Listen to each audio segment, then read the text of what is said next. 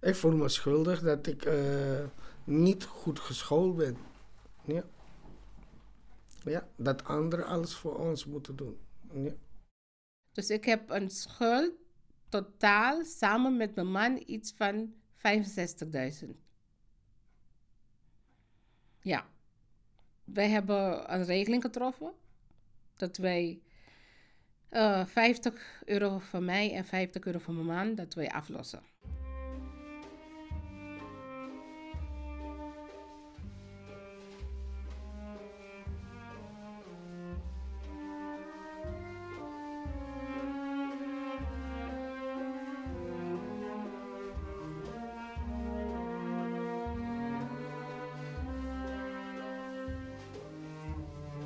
Je weet dat mama niet breed heeft. En uh, daarom kan ik je ook geen zakgeld geven. Als je ergens naartoe gaat, dan geef ik het ter plekke. Vijf euro of als al die kleingeld dat wij boodschappen doen en dan over het, dan zet ik.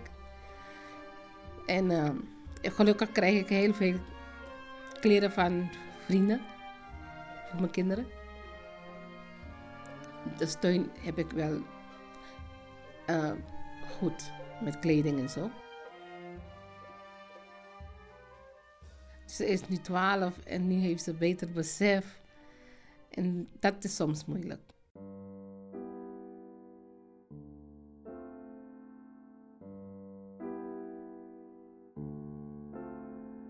Er komt eerst een bus voor uh, eten. Dan komt die bus, gaat hij um, alles uitspakken uh, alles uit de bus brengen en naar de voedselbank. En daarna komt um, het naar um, binnen. Dan gaan mensen in de rij staan en wachten tot ze aan de beurt zijn. Of, of, op de, of de deur open is. En dan gaan we naar binnen. En dan, dan gaan we we allemaal eten inpakken, alles in tassen zetten. En als klaar is, gaan we weer naar huis. Dit is Eva. Eva is 9 jaar en woont op een flat in Amsterdam Noord. Elke woensdagmiddag gaat ze samen met haar vader naar de voedselbank. Daar krijgt ze elke keer twee tassen met eten mee. Hof pesto, pesto. En er is nog ook um, koek, um, Enkhuizer koek. Uh, is van de kleine pakjes chocomel.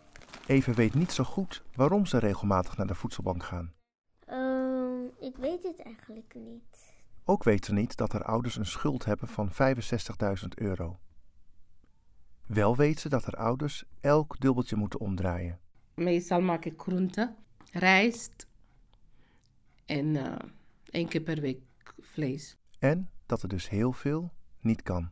Altijd moeten we dubbeltje omdraaien. Zullen we, hoe gaan we dat doen? Oké, jullie willen eten, dan McDonald's, dan haal ik die silly chicken, dat is 1 euro. Hun willen dan een muni, maar muni kan ik niet kopen. Want anders is mijn weekgeld op. En dan koop ik altijd silly chicken voor ze, die hamburgers, die goedkope. En dan zeg ik, neem geen saus, dan thuis heb ik saus.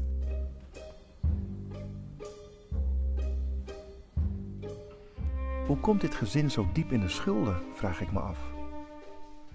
En hoe is het om bijna niets te hebben? En welke dingen kunnen wel? Maar de grootste vraag die me bezighoudt is deze vraag. Hoe komt het dat ik geen spoortje wrok of bitterheid zie bij dit gezin? Maar vooral dankbaarheid en vrijgevigheid.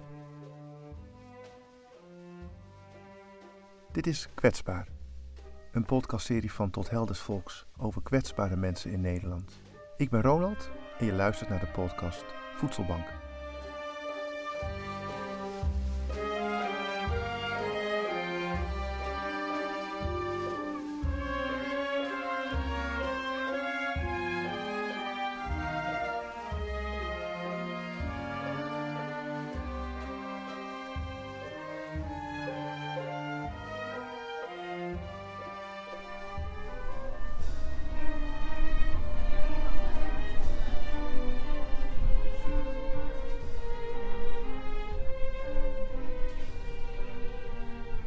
In een stadsbus rijd ik door de Bannen, een wijk in Amsterdam-Noord. Voor vanmiddag is deze wijk mijn eindbestemming. Ik stap de bus uit en zie veel flatgebouwen.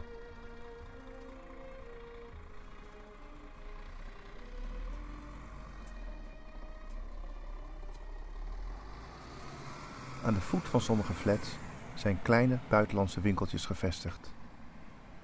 Ook zie ik groene plantsoentjes en hier en daar een leeg speeltuintje. Onder een flat spelen een aantal kinderen een potje voetbal. Ik loop naar de flat waar het gezin van Eva woont en ben vooral benieuwd hoe dit gezin leeft als ze maar 25 euro per week te besteden hebben. Ervaren de kinderen dat hun ouders zo weinig te besteden hebben? Lijden ze eronder? Of zijn ze eigenlijk best gelukkig? Als ik aanbel, doet Risma open, de moeder van het gezin. Het flatje is klein, vol, maar ook netjes. Als we samen aan de thee zitten, legt ze uit hoe de enorme schuld van 65.000 euro is ontstaan. Ik heb een echtpaar leren kennen, die waren voorganger. En die hebben onze situatie gezien dat ik echt ziek ben, dat ik niet mijn administratie kan doen. En mijn man die heeft altijd hulp gehad van Humanitas en zo. En ik heb altijd papieren en zo werk gedaan thuis. Maar op dit, omdat ik zelf ziek ben geworden, bleef die liggen. Dus wat heeft die voorganger en de vrouw gedaan? Ze hebben ons gezegd: zullen we jouw papieren administratie dan uh, behandelen? Dat, dat alles, rekening en zo, alles goed gaat. Dus in vertrouwen hebben we alles uit handen gegeven. Onze hele administratie. Maar wat hebben hun gedaan? Hun hebben een PGB aangevraagd. Maar we wisten niet wat PGB inhoudt. Want ik was gelijk gaan revalideren. Dus hun hadden alle papieren. En hun hebben PGB aangevraagd. En alles ging goed. Ik kreeg ook uh, hulp thuis. Uh, familieleden kwamen van hun ons bij mij thuis schoonmaken. Soms één keer per week één uurtje. En uh, totdat wij in 2015 kwam mijn moeder hier wonen in Amsterdam-Noord. En toen was mijn moeder aan het logeren bij ons. En toen zag ze dat de kleinkinderen, uh, die vrouw die hier kwam schoonmaken, zegt tegen mijn dochter, die grote, kom even de toilet schoonmaken.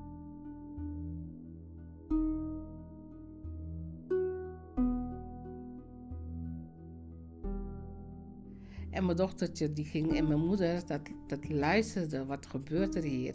Dus toen is die vrouw weggegaan. Toen heeft mijn moeder gezegd, wat, wat gebeurt er hier aan de hand?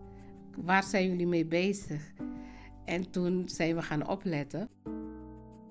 Intussen is PGB mij gebeld dat al die afspraken wat ik heb voor jullie gestuurd om te komen, jullie hebben afgezegd. Uiteindelijk werd duidelijk wat er precies was gebeurd. Het voorgangers-echtpaar had PGB aangevraagd voor Risme en de man, maar had dit vervolgens zelf opgestreken. De uitnodigingen van de PGB om te komen hadden hen dus nooit bereikt. En toen vroeg ze, wie beheert dat allemaal? Ik zei, ja, dat, dat zijn de mensen, de voorganger van de kerk. En toen zei ze, het eerste wat je moet doen is uh, politie gaan en uh, alles blokkeren en zo. Hebben we alles gedaan. En toen heeft zorgkantoor ons toch geroepen naar de hoofdkantoor. Toen zijn we daar gegaan en toen staat ik daar terminaal opgeschreven. Ja, als je uh, voorgangers hebt meegemaakt dat ze, dat ze je oplichten, ja, dan uh, uh, vertrouw je niet iedereen, niet alle instanties. Dus ik, ik vertrouw niet iedereen ik ben voorzichtig. Ontzettend. Echt waar.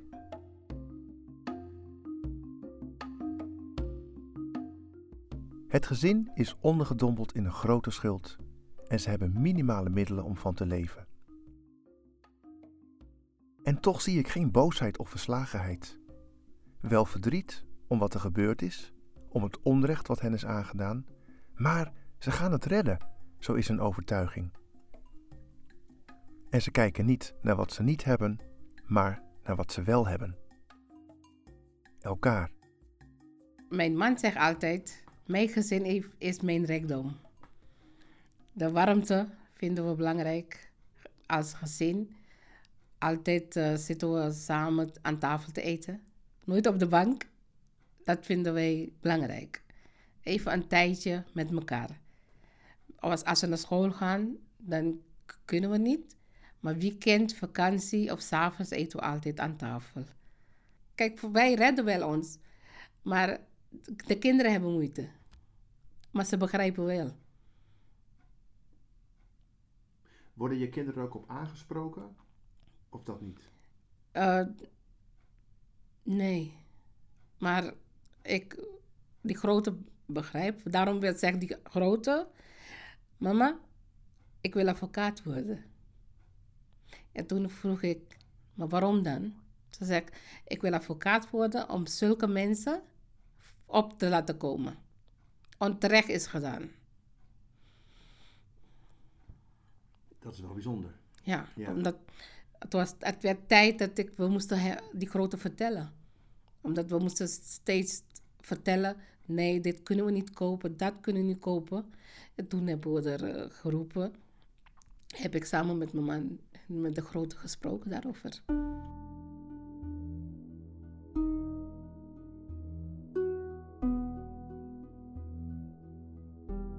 Hoe gek het ook klinkt, armoede heeft dit gezin dichter bij elkaar gebracht.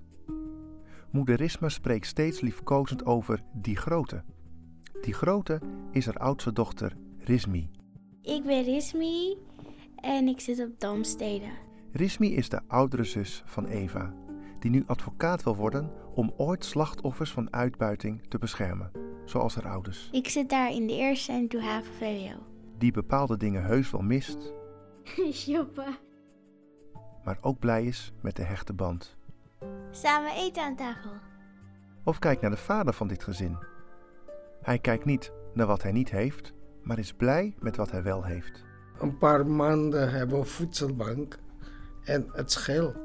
We zijn dankbaar dat we dat krijgen. En moeder Risma probeert het beste te maken met de middelen die er zijn. Mijn gezin, we redden het wel. Misschien zijn er nog meer andere mensen die moeilijker hebben dan ons. En mijn huis is altijd open. We, we hebben niet breed, maar eten heb ik. Voor andere mensen. Mijn deur is altijd open. Als, als jij binnenkomt en ik heb eten, mag je mee eten. En dan proviseer ik wat. Want de Heer laat jou nooit alleen in de steek, dat weet ik. Ik heb altijd eh, eh, eten in huis. Maakt niet uit hoe. Je hebt rijst. Dan kan ik altijd bakken met peper en zout. Je hebt er toch een maaltijd.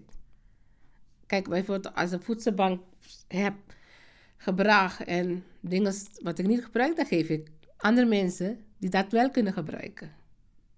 Meestal maak ik groenten, rijst en eh, één keer per week vlees. Ja. Ja, omdat wij minder vlees eten, dan eten hun ook minder. Hun vragen niet. Hun zijn al lang blij dat ik eten aan tafel heb gezet. Ook al heb je weinig, deel uit van wat je hebt. Zo lijkt het motto van dit gezin. Zo krijg ik een hele zak met chocolaatjes van Eva. Voor thuis, voor mijn eigen kinderen. Oh, lekker. Dankjewel, heerlijk. Jij weet het zeker? Moet jij er ook niet even één? Wij hebben heel veel. Oh, je hebt al heel veel in de tas. Nou ja, dankjewel zeg. Heerlijk. Nou, wat ben je, wat ben je? Vrijgeven, goed zo. Ja. Goed zo. Ik heb een snoepzak, daar ga ik een paar paaseitjes in doen van die. Mm. Mm, lekker hoor, dankjewel. Kijk, wat is je Anne? Het ontroert me. Dit kind met haar grote bruine kijkers, die zelf zo weinig heeft en dan toch zo graag deelt met anderen. Ik mag er eentje opeten van haar, de rest is voor thuis. Wat een bijzonder gezin is dit. Ze zijn arm, gelovig en gelukkig. Beide ouders zijn arbeidsongeschikt, maar ze nemen hun verantwoordelijkheid als vrijwilliger in de buurt en in de nieuwe kerk die ze hebben gevonden, Hoop van Noord, in Amsterdam Noord. Deze kerk hebben we gewacht, gewacht, totdat wij een, eh, een cursus hebben gedaan, wat eigenlijk Hoop van Noord betekent. En we hebben gesprek met de voorganger gehad, hele diepe gesprekken hebben we gehad. En ze zegt, kom een jaar kijken hoe, hoe je voelt. Niks hoeft. Voelen jullie vrij? Kom maar kijken, want onze kerk is voor de lage drempels.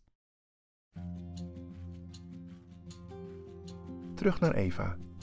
Een gewoon meisje van negen, die elke week genoeg te doen heeft. Mijn hobby's zijn buiten spelen, knutselen ook. En ik zit op zwemles. En ik zit op voetbal op school. Daarnaast gaat Eva elke week naar het fort, een project van Tot Helders Volks. Het fort bestrijdt de impact die armoede heeft op kinderen door langdurige begeleiding, liefdevolle aandacht en een goed doordacht pedagogisch programma. Voor Eva is het fort een plek waar ze twee keer per week na schooltijd een fijne tijd heeft. Eerst gaan we knutselen. En dan gaan we eten. En dan gaan we buiten spelen. Of even een rondje doen als er iemand nieuw is. Vraagrondje. En dan gaan we buiten spelen. En dan komen we weer terug. En dan gaan we even handen wassen weer. En dan komen, gaan we weer eten. En dan is het voort klaar. En dat is elke week of elke... Elke week. Elke week. Elke maandag en donderdag. Ja. Eigenlijk dinsdag ook, maar ik kom op de dinsdag niet, want ik ben groep 2.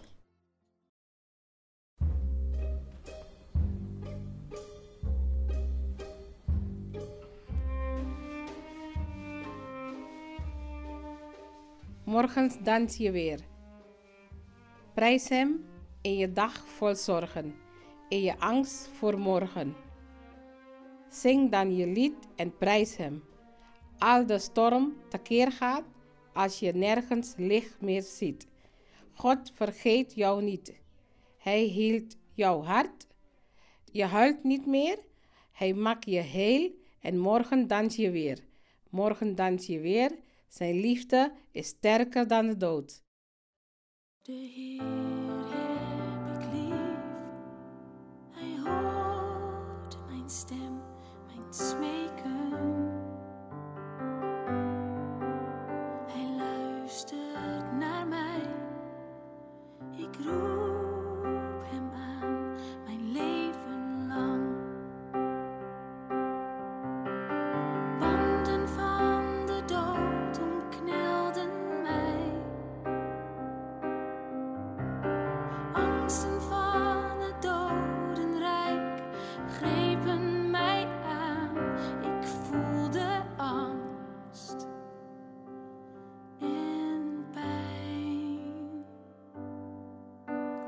Toen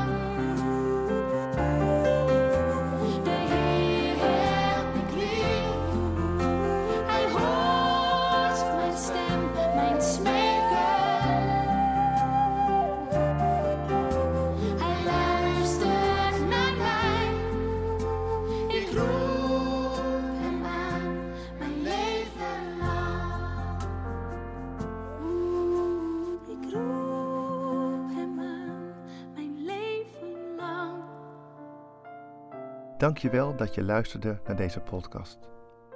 Wil je meer informatie over het fort? Ga dan naar www.thdv.nl het fort. Wil je meer podcasts luisteren? Ga dan naar www.thdv.nl podcast.